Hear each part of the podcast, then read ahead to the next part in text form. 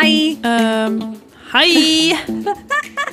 oh ja, we moeten natuurlijk beginnen met gewoon een gesprek. Ik dacht, ik duik er meteen in. Nee, jij hebt er zin in vandaag. Ik kan het, uh, ik kan het aan je zien.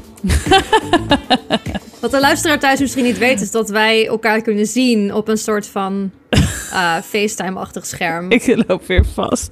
Het internet is niet. Technische problemen is ook de realiteit van een podcast op afstand opnemen. Daarom, laten we er maar gewoon in duiken.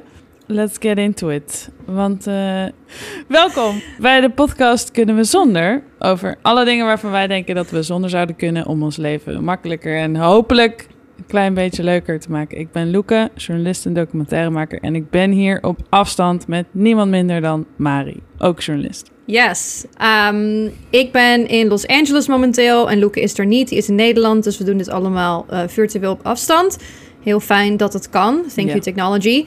In deze podcast praten we... Ja, toch? We mogen technologie niet helemaal afschrijven.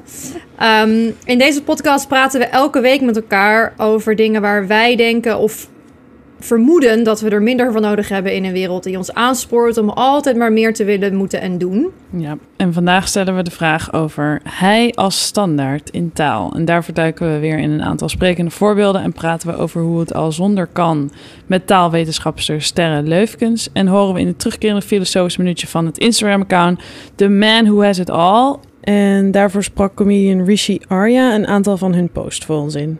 Hij als standaard. Ja, wat bedoelen we nou precies? omdat het zo moeilijk is, denk ik, om taal los te zien van de wereld en de wereld los te zien van taal. We hadden het in eerste instantie over het onderwerp omdat mannelijke vormen en woorden waarin mannelijkheid centraal staat vaak worden gebruikt om iedereen te mhm. omschrijven. Dan denk ik bijvoorbeeld aan mankind. Ja.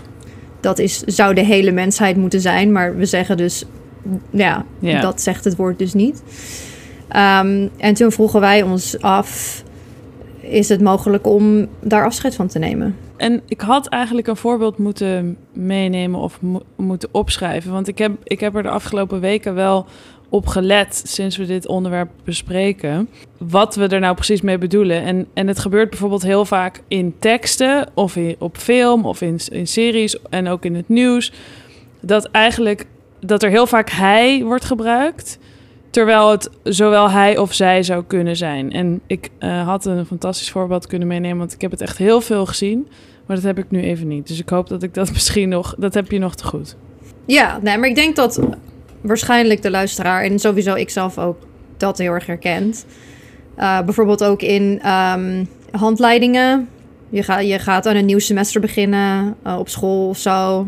De student wordt verwacht van de student dat er dit en dit en dit gaat gebeuren. Hij zal zich gaan verdiepen in. En er wordt niet eens nagedacht over dat het ook niet een hij kan zijn. Inderdaad. En dat de standaard vorm dus eigenlijk altijd mm deviates back to the male experience. Wat een goede lead-in is naar mijn eerste voorbeeld. Dat ik met je wil delen wat ik heb gevonden.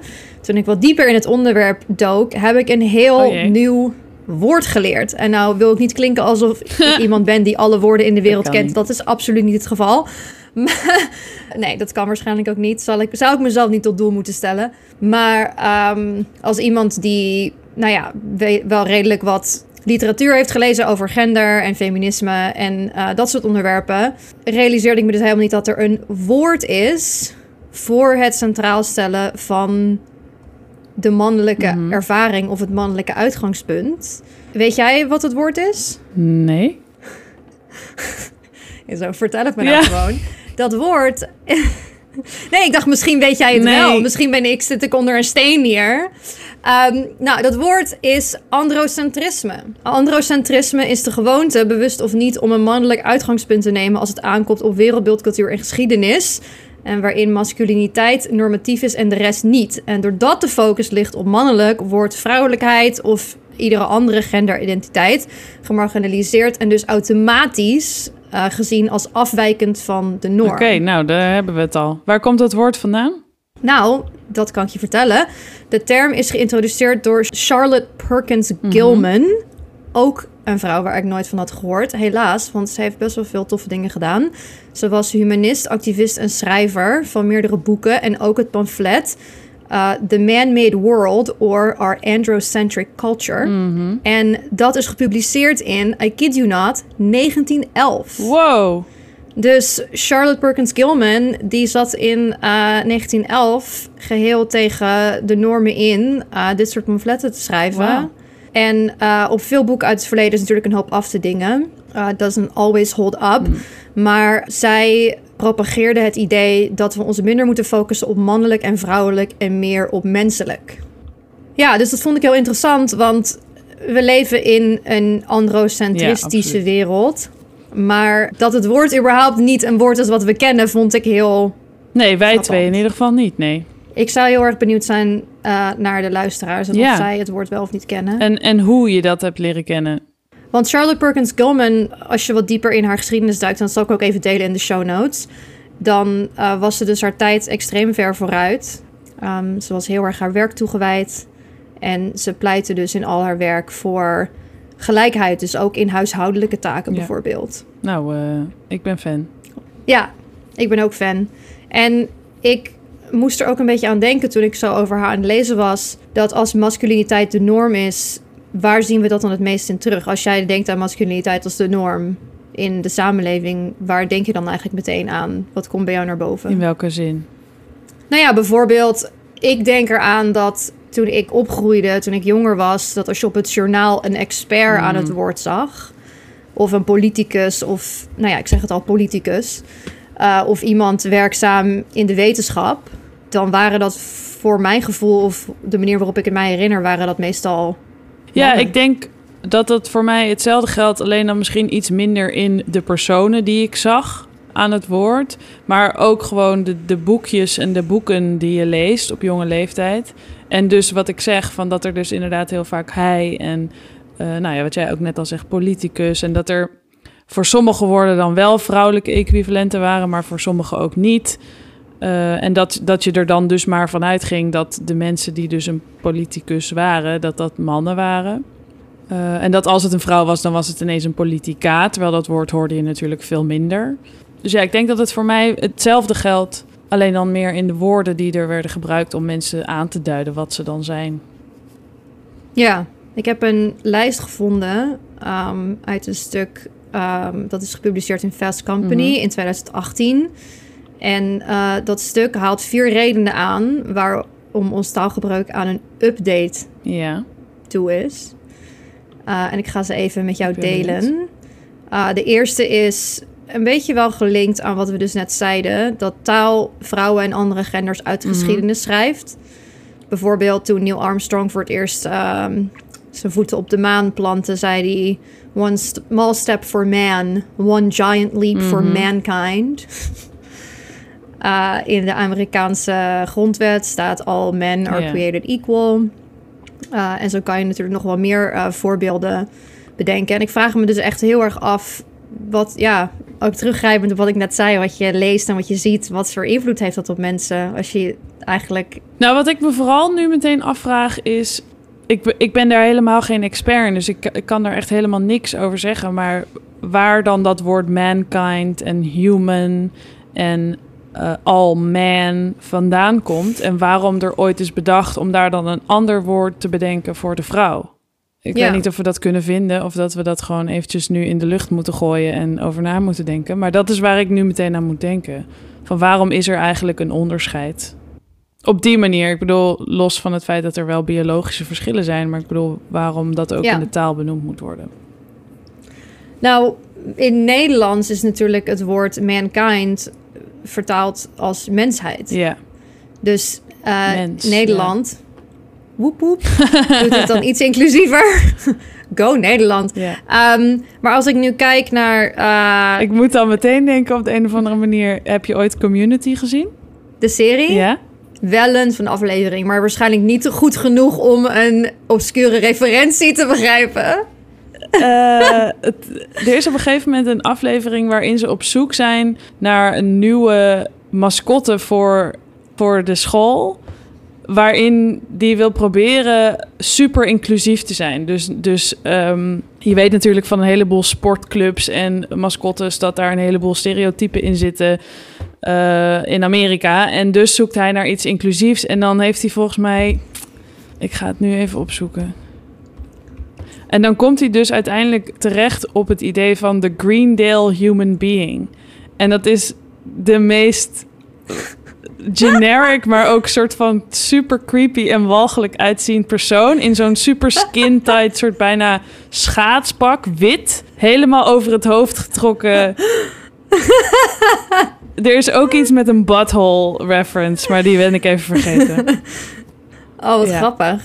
Dus als je probeert om de meest neutrale middenvorm te vinden, dan krijg je dus dat. Of Ja. tenminste, dit karakter Ja. in deze serie kreeg dit. Die komt Misschien... in dit geval is het nog steeds het woord human. Niet zoals inderdaad in het Nederlands mensheid. Maar dat is dan... Het, human is het meest neutrale woord. eh, zoals dat bij ons dus mens is.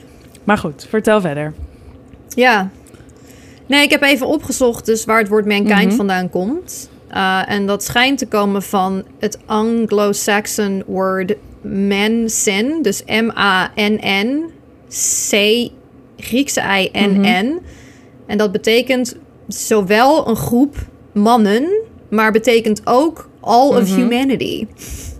Dus eh, misschien dat mankind op een zeker moment in de geschiedenis, toen de taal anders was, verwees naar de hele menselijkheid. En dat het nu Ja, daar eigenlijk man is daarvan overgebleven. En man is nu ook hoe we refereren Mannen. naar een man. en hoe kunnen we de taal updaten, zei je? Ja, dus eh, stap 2 is je bewustzijn van terloopse begroetingen Mhm. of opmerkingen die vrouwen en andere genders negeren. Ja. Dus bijvoorbeeld, ha jongens, ja, hey guys, hey man. Of misschien erger nog, en ik weet niet of dit jou wel eens is overkomen, mij wel. Hey jongens en Mari. Het is toch wel? Ja, oh, dat, ja, dat klinkt echt vreselijk. Ja, Zo van dat iemand zich realiseert van... oh, ik heb niet helemaal inclusief gedaan... of misschien Oh, voelt Mari oeps. zich niet aangesproken. Dus ik ga er even Ja. toevoegen aan het einde hier. Eh, wat het misschien dan nog... Is het beter zo, denk je dan? Of maakt het het meer awkward? I don't know. Ik weet het ook niet. Ik vind het wel een interessant gesprek over inderdaad begroetingen. Dat speelt nu de laatste jaren heel erg. En dat ik het ook zelf echt bewust doe. En dat ik toch nog best wel vaak inderdaad jongens of guys zeg. En dat ik mezelf dan inderdaad moet corrigeren. Maar ja, ik vind dat wel goed inderdaad. Want het, daar heb je eigenlijk, daarvoor had ik daar nog nooit bij stilgestaan. Terwijl ik dan dus altijd mezelf heb buitengesloten. Dat je dus niet eens door hebt dat je jezelf buitensluit. Ja, Dat je het zo normaal vindt dat je niet wordt genoemd. Ja. Dat je gewoon daarin meegaat, ja. Derde op de agenda of in de lijst die ik eh, zag... was eh, generieke mannelijke taal in reclames en media. Uh, er was bijvoorbeeld een campagne van Airbnb die de vraag stelde: Is mankind? Dus dat is een soort van woordspeling op het woord waar we het net over hadden, mankind, maar dan een soort van gefocust op het woord kind. Uh, en dat geeft natuurlijk niet het hele spectrum van de mensheid weer. Mhm. En dus ook niet van wie er gebruik maken van Airbnb. dus ehm, had Airbnb één extra reclame gemaakt met een versie waarin ze zeiden mankind, womankind, transkind, humankind. oké. En je denkt, you guys, als je het zo moet aanpakken, misschien moet dan die hele campagne niet Nee, en, en gebeuren. wat doet humankind daar dan nog? Geen idee, want je zou Al die mensen zijn kunnen in zeggen dat principe alle voor... human. Typetje. Ja, Oké, dat is wel. misschien als een soort van, als een soort van ehm, afsluitertje. Zo van, mocht het je ontgaan zijn, de, voor, de hiervoor genoemde groepen behoren allemaal tot de grotere groep humankind. Als dit je hele campagne is en dan maak je één spotje om maar even duidelijk te maken van, oh, we hebben de rest ook gezien. Dan voelt het voor mij echt zo Ja. als een afterthought. Nou ja, en omdat je er dus op gewezen bent. Ja. Uh, dus ik denk sowieso wel interessant om te zien ook de komende jaren hoe merken wel of niet, of bedrijven of media Ja. um, dat zullen benaderen. En nummer vier op de lijst is dus hoe we praten over ons gedrag en onze verdiensten. In het Engels bijvoorbeeld man-made. Dus door dat is in Mhm. Nederland dan door mensenhanden gemaakt. Maar in het Nederlands hebben we eenmanszaak, manskracht Ja. jezelf vermannen. Oh ja, dus ja. eh, op het moment dat je inderdaad... Hij sowieso man up is Ja. natuurlijk ook... eh, Ja, wees sterk. En eh, natuurlijk de verwijzing Ja. naar iemand met, met moed of een dapper iemand is iemand met ballen. oh ja, ja, dus het, het is best wel veel... Het zijn best wel veel dingen. ballen. Het zijn best wel veel ballen. Nee, maar het zijn best wel veel dingen waar we ons denk ik niet genoeg bewust van zijn. Maar ook waar gewoon niet echt een alternatief voor is. Nee. Wat is het alternatief voor jezelf vermannen? Nou Jezelf ja, er zijn een heleboel alternatieven. Ja, er zijn een heleboel alternatieven, maar die zijn gewoon niet zo gebruikelijk als die woorden die, die jij net noemt. En het zit zo ingebakken dat dat de dingen zijn waar je naar grijpt op het moment dat je iets, iets beeldends zoekt. Dat dat veranderen en daar alternatieven voor bedenken eh, heel veel moeite gaat vragen van iedereen. Ja, Ik, ik zag laatst zo'nzelfde soort lijst over, zeg maar, ableist language. Dus dat je het hebt over in het Engels bijvoorbeeld turning a blind eye. Dat dat gaat over blinden. En dat je het hebt over uh, on deaf man's ears. Dat je het hebt over, weet je wel, dat het... Dat zijn allemaal Ja. van die dingen die, eh, die je als, zeg maar, niet native speaker Engels al lang blij bent dat je dat kan bedenken, dat dat gezegd moet worden. Maar die eigenlijk eh, vanuit hetzelfde principe komen. Dat het gaat over iemand die dus iets niet kan of eh, dat iets niet goed gaat. ja, Dus ja, dat zijn van die dingen die zitten er heel erg ingebakken. Maar dat, ja, dat is wel een interessant iets om te gaan kijken of je dat anders kan doen. Hetzelfde als waar we het net over hadden, inderdaad, hoe je mensen begroet. Ja, ik had het met een, eh, een vriend van mij die is Turks over taal. Mhm. Want ik kwam er dus achter dat er een bepaalde talen zijn in de wereld die zijn genderless. En die gebruiken bijvoorbeeld geen ehm, gendered voornaamwoorden. Oh ja, Bijvoorbeeld in het Turks is eh, ik is ben, jij is sen en o is hij, zij, het. ah, Dus je hebt geen verschil ja. tussen hij doet dit of zij doet dit. Het is gewoon de persoon. ja, niet le dit. of la of die of der, das. Ja, en hij zei dat hij eigenlijk daardoor heel vaak denkt a- aan zijn taal als heel erg inclusief. Mm. Maar dat het dus in dat het hem ook verdrietig maakt omdat de taal inclusief is, maar zijn land niet. Mm. Nou, ik denk dat we dat laatste over een heleboel landen kunnen zeggen. Dus daar hoeft hij zichzelf persoonlijk natuurlijk niet Nee, verantwoordelijk Nou, voor te hij voelen. Maar dat is als- wel verdrietig, ja. Ik denk dat hij, ik denk dat hij zich daar als Turks persoon verantwoordelijkheid voor Nee. voelt, maar dat hij zich realiseert van Ja, de potentie zit erin, ja.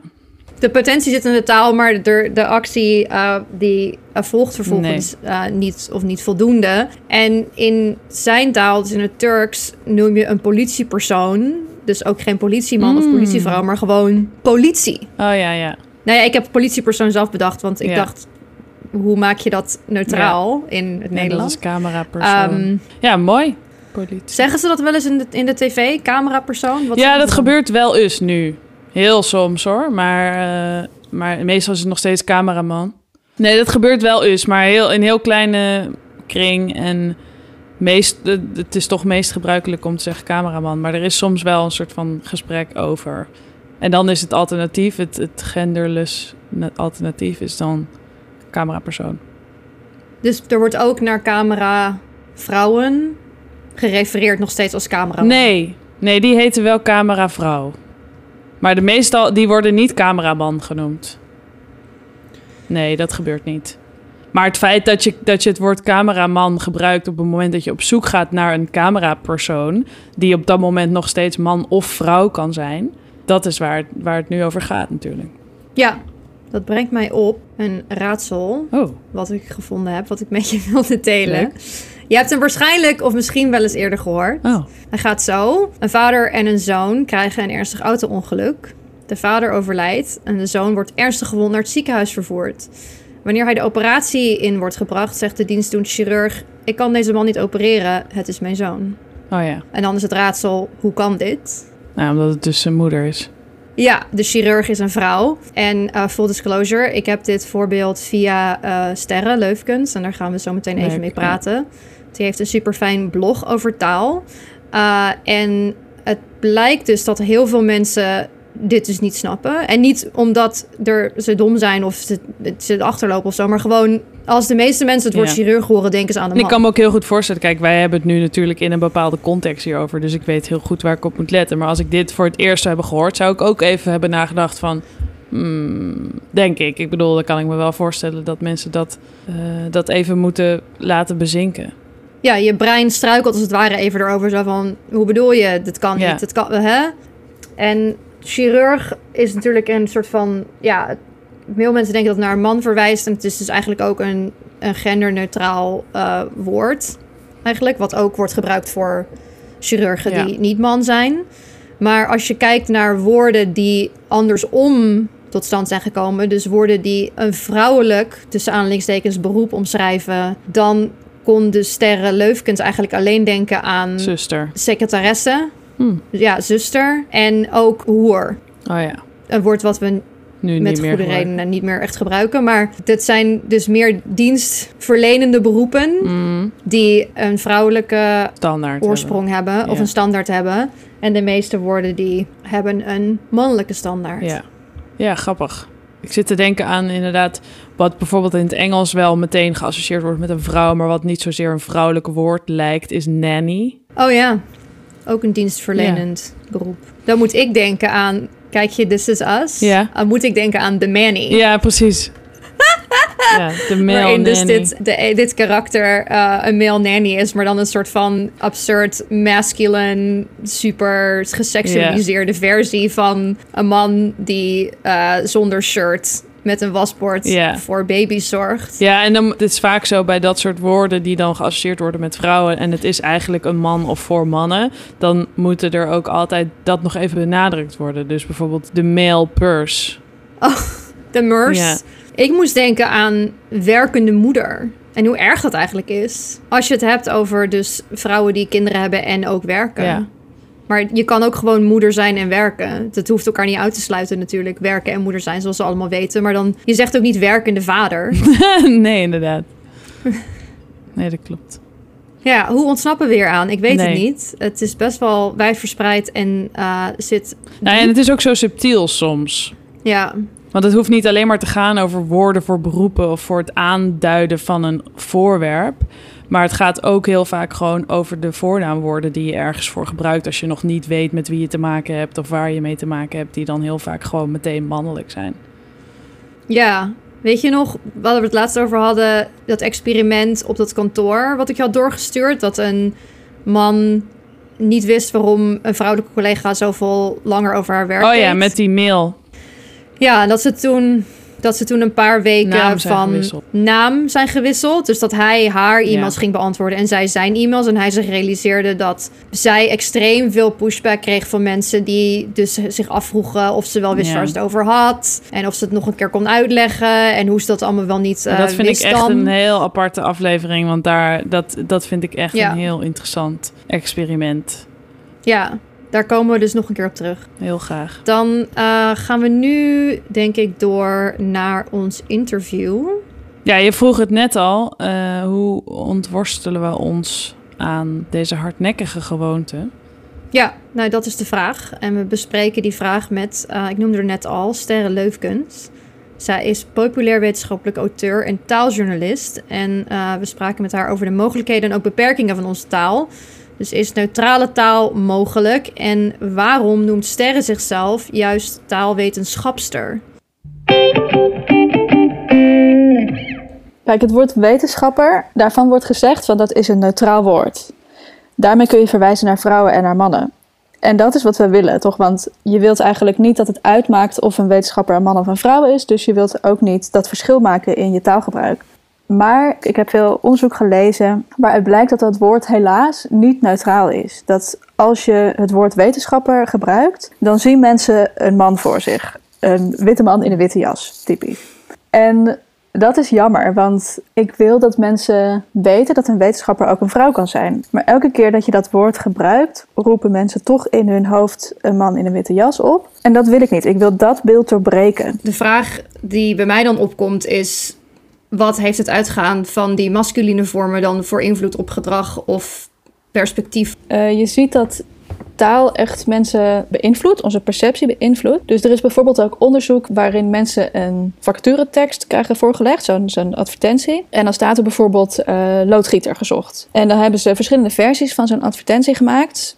Uh, gewoon loodgieter gezocht en loodgieter MV gezocht en loodgieter slash loodgietster gezocht. Nou, wat blijkt op die derde advertentie reageren meer vrouwen. Er zijn meer vrouwen die dan denken, oh, dit kan ik doen. Dus kennelijk heeft gewoon alleen al of je dat woord loodgietster gebruikt, dat heeft invloed op hoe vrouwen zich gezien voelen of of je je aangesproken voelt als vrouw. Dus dat heeft invloed op ons gedrag. En is dat iets wat te maken heeft met hoe we allemaal zijn opgegroeid en opgevoed? Of is dat iets wat misschien altijd zou hebben plaatsgevonden?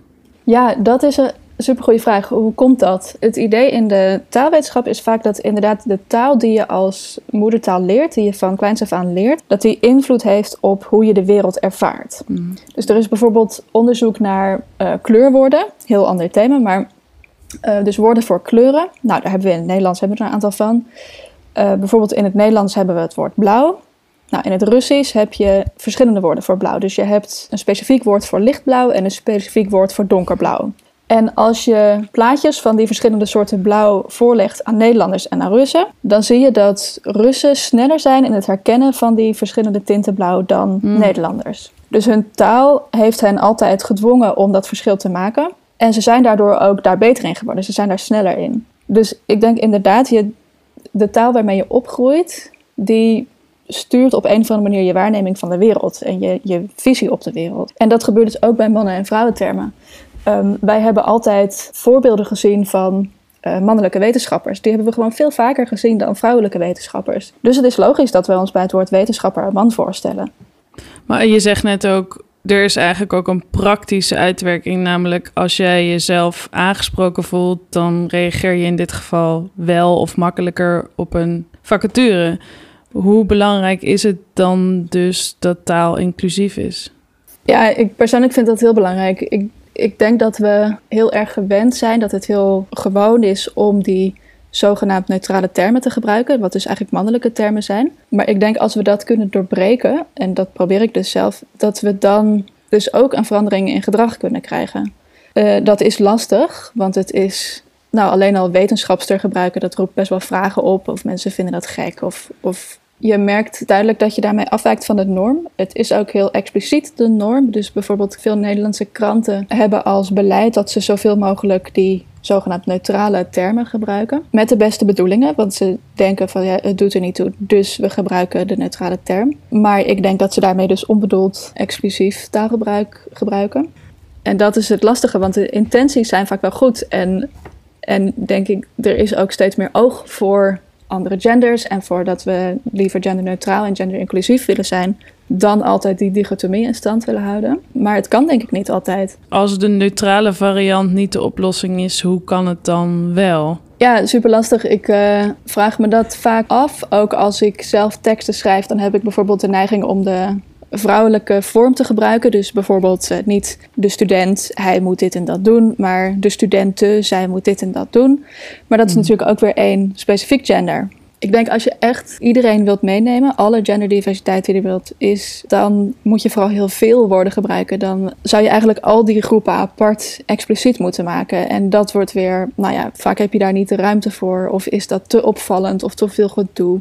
Denk dan ook aan bijvoorbeeld uh, de lettersoep, de alfabetsoep, zoals het wel eens genoemd mm. wordt, die we gebruiken voor de uh, eh, LHBT-gemeenschap. Ja, je moet oppassen dat je dan iemand vergeet, mhm. want je wilt iedereen meenemen. Dus ja, dan moet je ook superveel letters gebruiken. Ik merk ook als mensen het dus over de LHBTIAQ2 plus ja. gemeenschap hebben, dat er dan ook een angst ontstaat inderdaad om überhaupt de term te gebruiken, want je wil zo inclusief mogelijk zijn, maar als je dan één iemand vergeet, dan is eigenlijk de hele poging om het goed te doen te zijn mislukt. Hmm. Ja, inderdaad, dan wordt het extra lullig. Als je iedereen probeert mee te nemen en je vergeet één iemand, dat is pas echt erg. Hoe zouden we er bijvoorbeeld voor kunnen zorgen dat die neutrale termen, die eigenlijk nu niet neutraal zijn, het straks misschien wel zijn? Wat zou bijvoorbeeld in de praktijk kunnen helpen om de taal te beïnvloeden in plaats van andersom? Ik denk dat het enige dat echt helpt is als je de werkelijkheid verandert. dus als mensen echt de helft van de tijd vrouwelijke wetenschappers en de andere helft van de tijd mannelijke wetenschappers zien, ja, dan hebben ze echt een neutraler uh, interpretatie van het woord wetenschapper.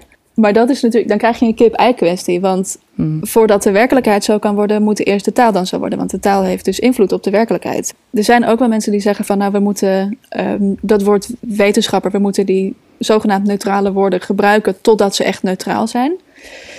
Dat lijkt me heel lastig. Want, want ja, zoals we eigenlijk zeiden, elke keer dat je dat woord wetenschapper gebruikt, versterk je ook weer die link tussen wetenschapper en man. En eh, het is dus geen neutrale term. Dus je versterkt steeds in je brein die associatie. Er is nu natuurlijk een grote discussie geweest over een bepaalde grote krant in Nederland die meeging in de discussie over of ze wel of niet bepaalde voornaamwoorden hadden moeten gebruiken. Ah ja, ja. Wat voor rol spelen zij daarin? Ja, dat is een goede vraag. Kijk, journalistiek die hebben nog een bijzondere rol. Want kranten proberen in principe niet al te opvallend taalgebruik te gebruiken. Je wilt in een krant gewoon het nieuws brengen en verslag geven van een bepaalde discussie. En daar wil je niet per se een politieke rol in innemen. Dus ik denk dat je typisch ziet dat kranten hierin geen voorloper zijn. Tegelijk hebben kranten een super vormende rol. Een krant heeft autoriteit, weet je. Zeker een kwaliteitskrant, daar kijk je naar om te kijken wat is het hedendaags taalgebruik en wat is correct en wat ga ik ook doen. Dus dat is eigenlijk een heel dubbele rol die kranten daarin spelen. Ze willen geen voorloper zijn, maar tegelijk, als ze het wel zouden doen, zouden ze best wel veel invloed kunnen hebben. Hmm. Dus eigenlijk moet de samenleving veranderen en de taal ook tegelijkertijd. En er kan niet één voortrekken. Ja, en als je het ene niet doet, dan zwakt het het andere af. En als je het ene wel doet, dan versterkt het het andere. Dus je, ik denk dat je het allebei moet doen. En wat kunnen mensen zelf doen? Kijk, we hebben het nu natuurlijk misschien over publieke rollen en in de media. Wat zouden mensen daar actief voor rol in kunnen spelen? In het inclusiever maken van taal.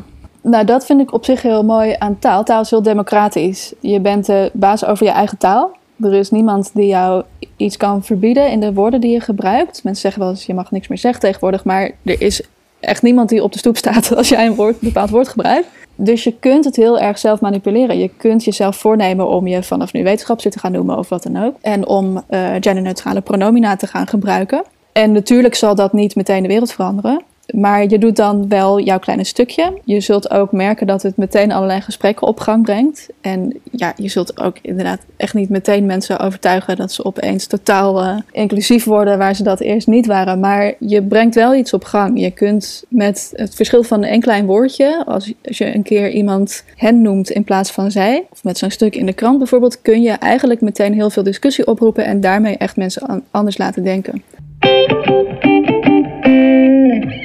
Je kan sterren vinden op haar eigen website, Sterren Leufkens. En ook op haar blog, De Taalpassie van Milfje. En uh, dat blog schrijft ze samen met uh, taalwetenschapper Marten van der Meulen. En uh, als taalnerd heb ik het gevoel dat het is alsof ik een zak chips aan het leeg eten ben als ik dat blog lees. Dat is echt extreem bevredigend voor mij om in allerlei taalvraagstukken te duiken. Dus daar is onder meer een post over genderneutraliteit. En daar zullen we direct naar linken in de show notes. Maar er staan ook heel veel andere interessante vraagstukken en bespiegelingen over de manier waarop we taal beleven. Mooi. Ja, dan is het alweer tijd voor het filosofisch minuutje waarin een artiest of creatieve gast in ongeveer één minuut invulling geeft aan de utopie van een wereld zonder het onderwerp hij als standaard in onze taal. Uh, en om ons daar vandaag even over aan het denken te zetten, hebben we met toestemming een aantal posts uitgekozen van The Man Who Has It All, een anoniem gerund Instagram-account vanuit een satirische wereld waar vrouwen de baas zijn en hij en hem niet de standaard, maar juist bijzaak zijn. Uh, we hebben acteur en comedian Rishi Arya gevraagd de post voor de podcast in te spreken. A small but not unimportant matter. What should a man with a doctorate call himself? Without sounding comic and fraudulent. Advice, please. Quick question. Anyone know the correct term for a male tigress? I'm interviewing a male surgeon about what it's like to be a surgeon at the same time as being a man. What should I ask him? As we welcome a new male president, what is the preferred term? A. Male president. B. Man president. C. Monsieur president. Or D. Other. Please specify. Ja, bedankt The Man Who Has It All voor het uh, gebruiken van deze post in als voorbeeld. En Rishi, bedankt voor het inspreken. Het account is te vinden op The Man Who Has It All en Rishi at Rishi-eh. Check vooral ook onze show notes hoe ze te vinden zijn. Yes. Ja, ik denk dat we op zich wel al een beetje hebben aangestipt waar we dan heen willen als we zonder deze hij als standaard in de wereld leven. Ja, we hebben wat hints gedropt. Ja, hoe, hoe ziet dat eruit? Gewoon proberen niet zozeer alleen maar inclusief te zijn in je taal. Want dat is, dat is natuurlijk wel ook waar we het over hebben. Maar ook om er gewoon eens op te letten hoe vaak het voorkomt dat je hij of een mannelijk woord gebruikt voor iets wat niet per se mannelijk is of wat niet per se over een man gaat. En daarom wilden we eigenlijk voorstellen om eens te kijken of het lukt om een dag of een week, als je het aandurft, met zij als standaard te praten. Namelijk gewoon andersom, waar je dus normaal geneigd bent om hij of hem te zeggen dat je zij of haar gebruikt. Of hen of hun bijvoorbeeld. Gewoon om eens te kijken hoe vaak het gebeurt dat je dus hij en hem zegt. En probeer er ook eens bij anderen op te letten. En wat gebeurt er als je ze aanspreekt op het feit dat ze alleen maar mannelijke voornaamwoorden of mannelijke woorden gebruikt. En nou is het natuurlijk niet zo dat we willen dat iedereen voor altijd zij en haar gaat gebruiken in plaats van hij en hem. Want het is natuurlijk hetzelfde probleem. Maar het is wel een interessant experiment misschien om te kijken hoe vaak en hoe gewoon het is. En wat er hopelijk voor gaat zorgen dat we allemaal inclusiever gaan praten. En neutraler. Ja, en ik ben ook echt benieuwd, benieuwd hoe mensen erop reageren als je ze aanspreekt erop. Uh, of, er, of je defensiviteit tegenkomt of meer een soort van tegenvraag van waarom doet het er überhaupt mhm. toe? Want ik denk dat het een onderwerp is dat het is lastig te ontleden, omdat het zo verschillende facetten heeft. Maar taal is wel een van de belangrijkste manieren waarop we ons uitdrukken. En het bepaalt ook wel hoe we de wereld zien. Dus het mhm. is echt wel interessant om te zien in hoeverre je je dagelijkse taalgebruik moet aanpassen. Om zij te zeggen in plaats van hij. Ja, en hopelijk leidt dat er dus toe dat we straks naar een neutralere vorm kunnen. Wie weet. Die misschien nog moet worden uitgevonden. Ja, dat denk ik wel. Uh, ik weet niet of wij dat op onze schouders moeten nemen per se. Maar we zijn wel benieuwd. wat gebruik jij? Misschien uh, ben je de tijd ver vooruit. Misschien ben je ons ver vooruit. En gebruik je hij al helemaal niet meer. En zij ook niet. En gebruik je een ander woord. Leer het ons, alsjeblieft. Ja, teach us, please, your ways. Uh, vind ons op Instagram. Het kunnen we zonder. stuur ons een e-mail of een voicebericht. Mm Kunnen we zonder. At gmail.com. Of ga naar onze website. Kunnen we zonder. En volgende week hebben we het over miljardairs. Oh, en wil je graag een melding krijgen als die aflevering klaar staat? Abonneer je dan via elk mogelijk platform waar je podcast kan vinden, zoals Apple Podcasts, Spotify, Stitcher, Google Podcast. Waar dan ook, zoek ons, vind ons, volg ons. Luister naar ons, spread the word en uh, tot de volgende keer. Doei!